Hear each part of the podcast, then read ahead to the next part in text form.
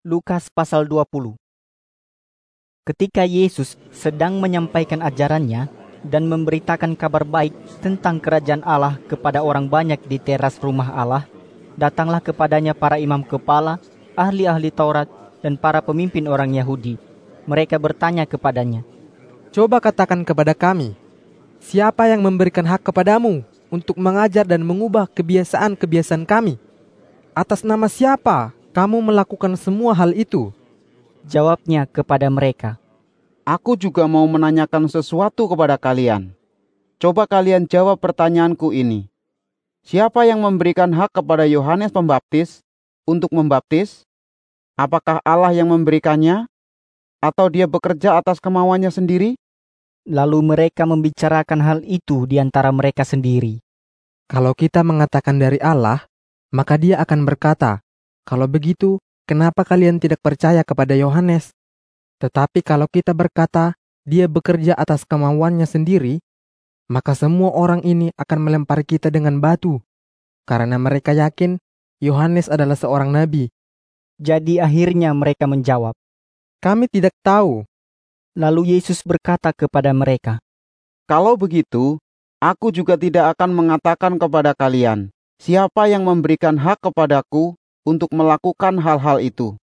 Yesus menceritakan perumpamaan ini kepada orang banyak. Katanya, Pada suatu hari, seorang pemilik tanah menyuruh hamba-hambanya menanam pohon anggur di dalam kebun anggurnya yang besar. Kemudian dia menyewakan kebunnya itu kepada beberapa orang petani. Lalu dia bersama para hambanya pergi ke negeri lain untuk waktu yang cukup lama. Ketika musim panen anggur sudah tiba, pemilik kebun itu menyuruh salah satu hambanya pergi menagih hasil kepada para petani itu, supaya mereka memberikan hasil kebun yang menjadi bagian pemilik itu.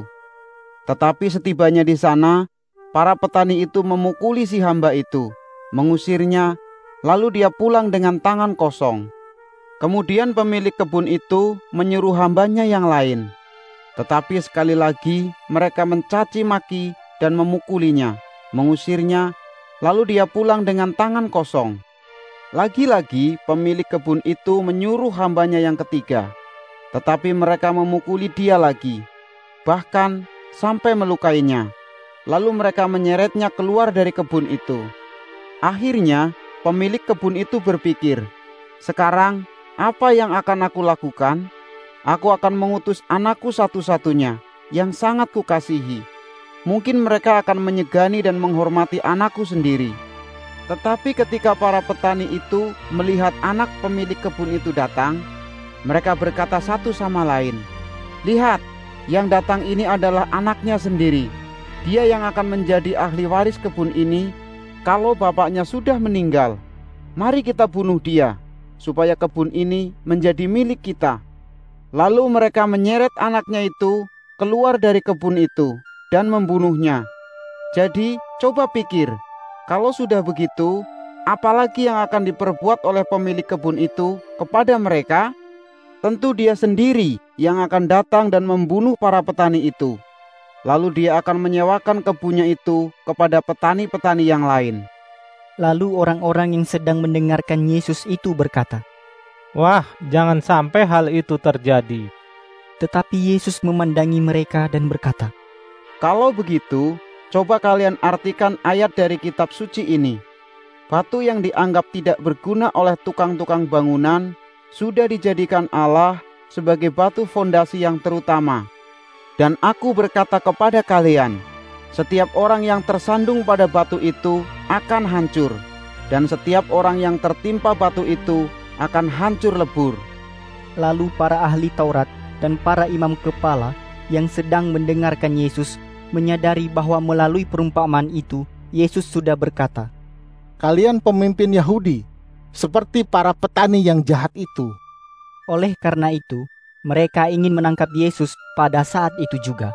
Tetapi mereka takut kepada orang banyak, karena orang banyak yang mengagumi Yesus itu bisa marah dan langsung bertindak terhadap mereka.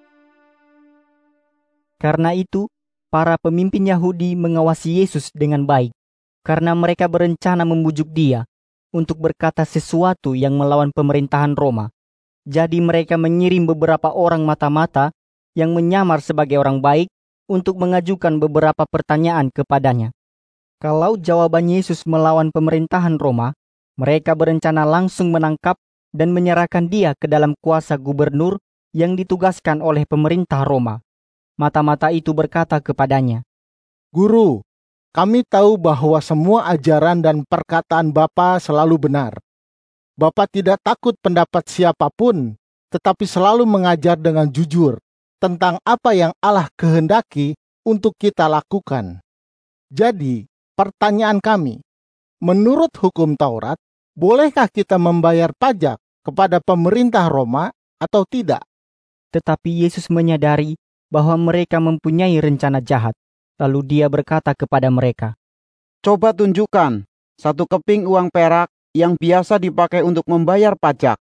Waktu mereka menunjukkannya kepadanya, dia bertanya, Ukiran muka siapa yang ada di sini?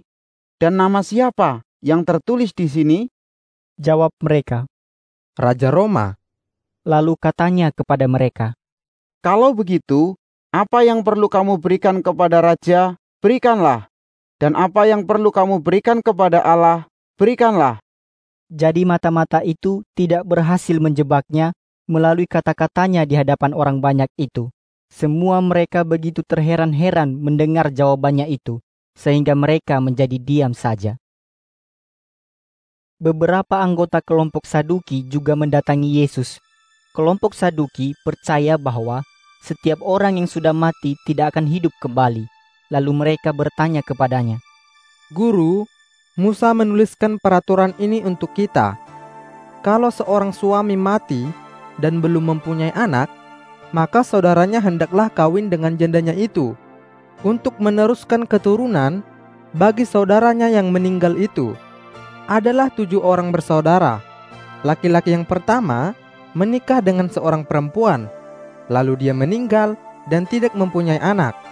Kemudian, saudara kedua mengawini dengan janda abangnya itu, lalu dia mati. Lalu, saudara yang ketiga mengawini dengan janda abangnya itu. Hal yang sama terjadi sampai kepada saudara yang ketujuh, dan semua mereka mati dan tidak mempunyai anak dari janda itu. Akhirnya, janda itu juga mati. Jadi, kalau memang benar orang-orang yang sudah mati akan dihidupkan kembali, lalu janda itu akan disebut istri siapa? Karena ketujuh bersaudara itu sudah pernah menikahi perempuan itu. Kata Yesus kepada mereka, Orang-orang di zaman ini memang menikahi dan dinikahi. Di dalam zaman yang akan datang tidaklah seperti itu karena orang-orang yang dianggap layak untuk memperoleh hidup yang selama-lamanya tidak akan menikah dan dinikahi. Mereka juga tidak bisa mati lagi, karena mereka akan hidup selamanya seperti para malaikat. Mereka juga dianggap anak-anak Allah, karena Dia yang sudah membangkitkan mereka. Tetapi tentang kebangkitan manusia sesudah kematian, itu sudah dinyatakan dalam cerita tentang semak-semak yang menyala. Karena Tuhan berkata kepada Musa, Aku adalah Allah Abraham dan Allah Ishak dan Allah Yakub. Allah menyebutkan ketiga nenek moyang kita itu sebagai orang yang masih tetap hidup dan menyembahnya. Walaupun orang mati tidak lagi di dunia, di hadapan Allah mereka masih tetap hidup. Karena di hadapannya semua orang tetap hidup. Lalu beberapa ahli Taurat berkata, Guru, jawabanmu tepat sekali. Dan sesudah itu, tidak ada lagi orang yang berani menguji dia dengan pertanyaan seperti itu.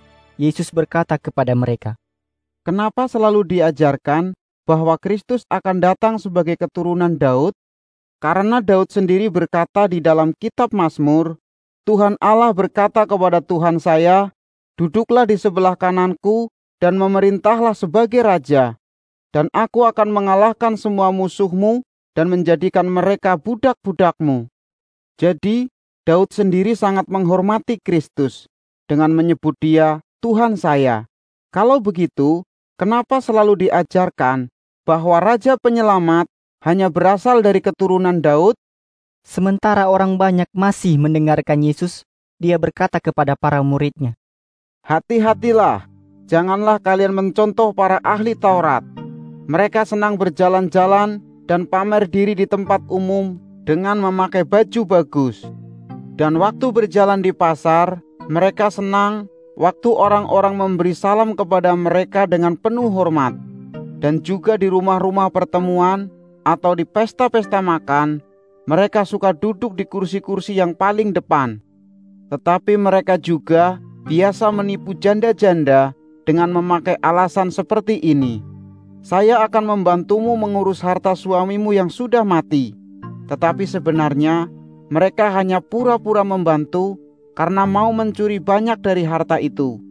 Dan untuk menutupi kejahatan mereka itu, mereka berdoa panjang-panjang di rumah pertemuan supaya orang berpikir bahwa mereka orang baik. Akibat dari perbuatan seperti itu, Allah pasti akan memberi hukuman yang sangat berat kepada mereka.